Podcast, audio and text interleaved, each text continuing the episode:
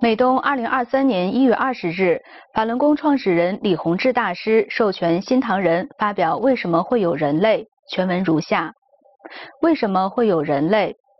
首先借中国新年之时向大家问好。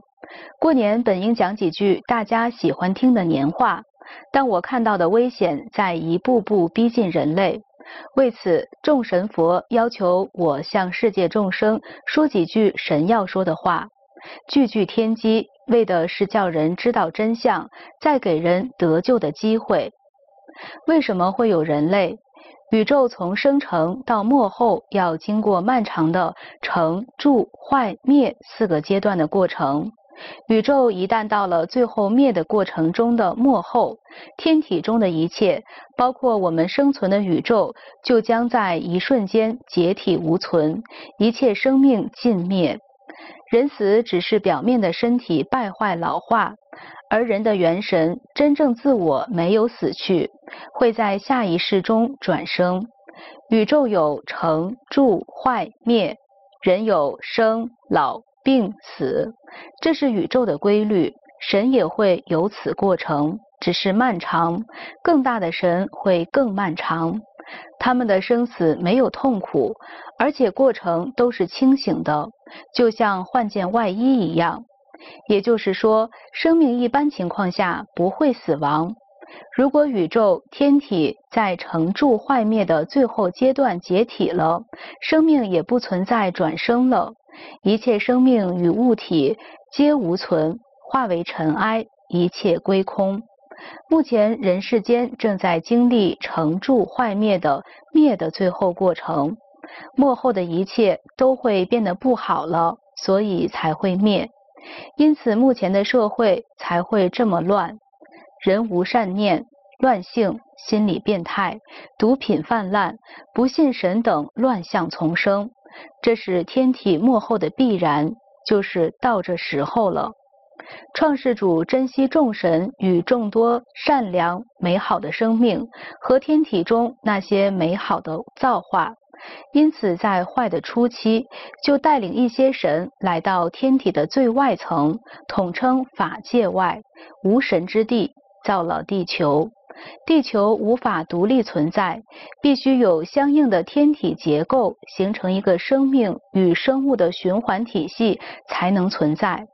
为此，创世主在地球之外造了一个大的范围，众神叫三界。不到末后救度时，无论多高的神，无创世主同意，不得随意出入三界。三界范围内有三大界，地上众生，包括人类这层叫欲界，在欲界之上是第二界为色界，再上一层是第三界。为无色界，一界比一界高而美好，但都无法与法界与法界之上的众天国相比。人类通常所说的天，其实是色界与无色界三界内的天，因为每一界都有十层天，三界内共有三十三层天，加三界本身。人在欲界，这是最低层，环境也最恶劣。人生苦短，最可怕的是人世无正理。在宇宙中，人的理是反的。除神对人讲的法理外，如胜者为王、兵争天下、强者为英雄等等，在神眼中都不是正理，都是杀来抢来的。宇宙与神不会这样，可是，在人这儿却是必须的，是可行的。这是人界的理。与宇宙的理对照是反理，所以要回天就得按正理修才行。有的人比别人过得好点，就觉得很好了，那是人在此界，人与人比，其实都在宇宙的垃圾堆里生存而已。三界建在天体宇宙的最外层，这里是分子、原子等最低、最粗、最脏的粒子组成的。在神的眼里，这就是宇宙的垃圾排放之处。因此，神把分子这一层粒子视为泥土，是最低层的地方。这也是宗教中所说的上帝用泥土造了人的原意。其实就是用分子构成的这一层物质造了人。众神造人是创世主的指派，叫不同的神照着自己的样子造不同形貌的人，所以有白种人、有黄种人、有黑种人等种族。这只是外形不同，内在的生命是创世主给的，所以都有共同的价值观。创世主叫神造人的目的是末后救度天与众生，包括众神时所用。那么，为什么创世主要叫众神在这么低劣的环境造人类呢？因为这里是宇宙的最低层，是最苦的地方，苦才能修炼，苦才能消罪业。在苦中，人还能保持善良，还知感恩，做一个好人，这就是在提高自己。而且救度是从下而上的过程，必须从最低处开始。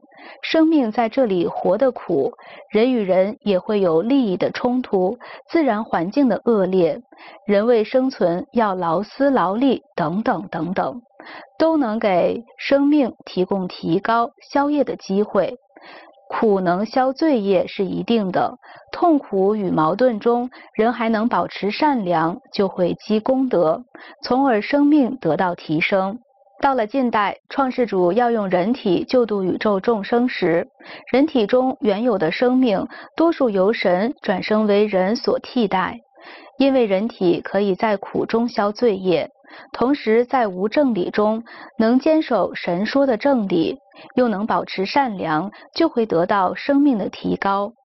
末后已到，三界天门已开，创世主已在选择这种人救度。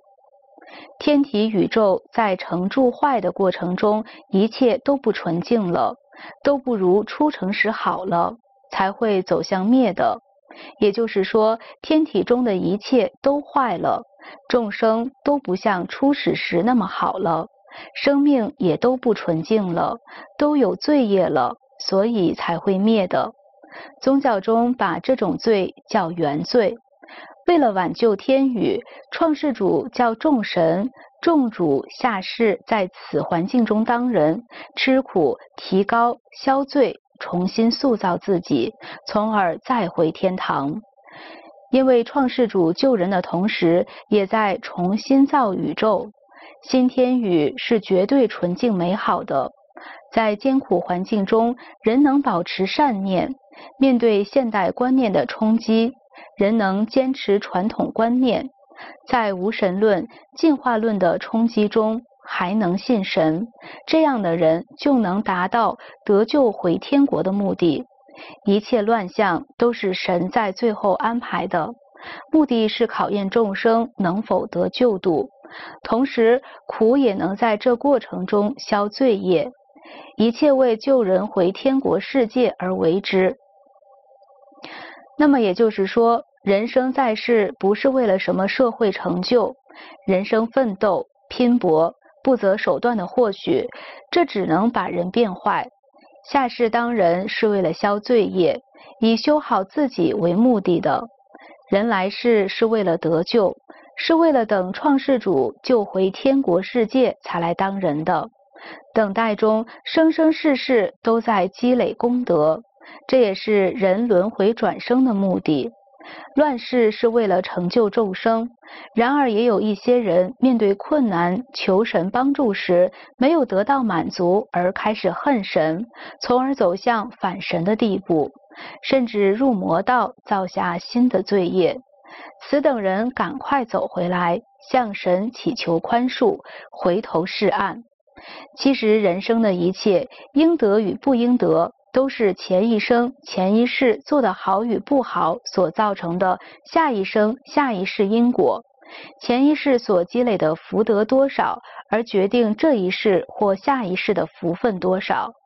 福德多，下一世就可能用福德换来高官厚禄，也可能换来各种钱财、福分等，包括家庭是否幸福，甚至子女如何。这就是有人富。有人穷，有人当大官，有人无家可归的根本原因，不是共产邪党所宣传的均贫富的那一套魔鬼的说辞。宇宙是公平的，生命做得好就有福报，做坏事就要偿还。今生不还，下生还，这是绝对的宇宙法则。天地神创世主对众生是慈悲的，天地人神都是创世主造的，绝不会对哪些生命好，对哪些生命不好。因果报应，这是人生有福与无福的根本原因。得与失的表现，在现实中看上去就如社会的正常表现一样，根本上是生命自己造成的前因后果。但是有与没有，得与失，在人类社会的表现上是符合人类社会状况的。所以人生在世，无论你的生活贫富，一定要做好事，不做坏事，保持善良，敬天敬神，乐于助人，这样就会积下福德，来世就会有福报。在中国过去的老人们经常讲：今生苦点，不要怨天怨地，多做点好事，多积点德，下一世就好了。也就是说，上一辈子没干好事，没积福德，你求神来帮助也没用。宇宙有宇宙的法则，神也得遵照。神干了不该干的，神也会受到责罚，不是人想的那么简单。你想要什么，神就得给你办到。条件是你必须有前世积下的福德，用福德来换取，因为这是宇宙的法理所决定的。但从根上来讲，这不是积福德的根本目的。人生在世，多积福德，为的是用来积累、铺垫自己回天之路，才是最关键的。而不是为换取人生的一时一世的幸福。诗李洪志，壬寅年腊月二十九日，二零二三年一月二十日。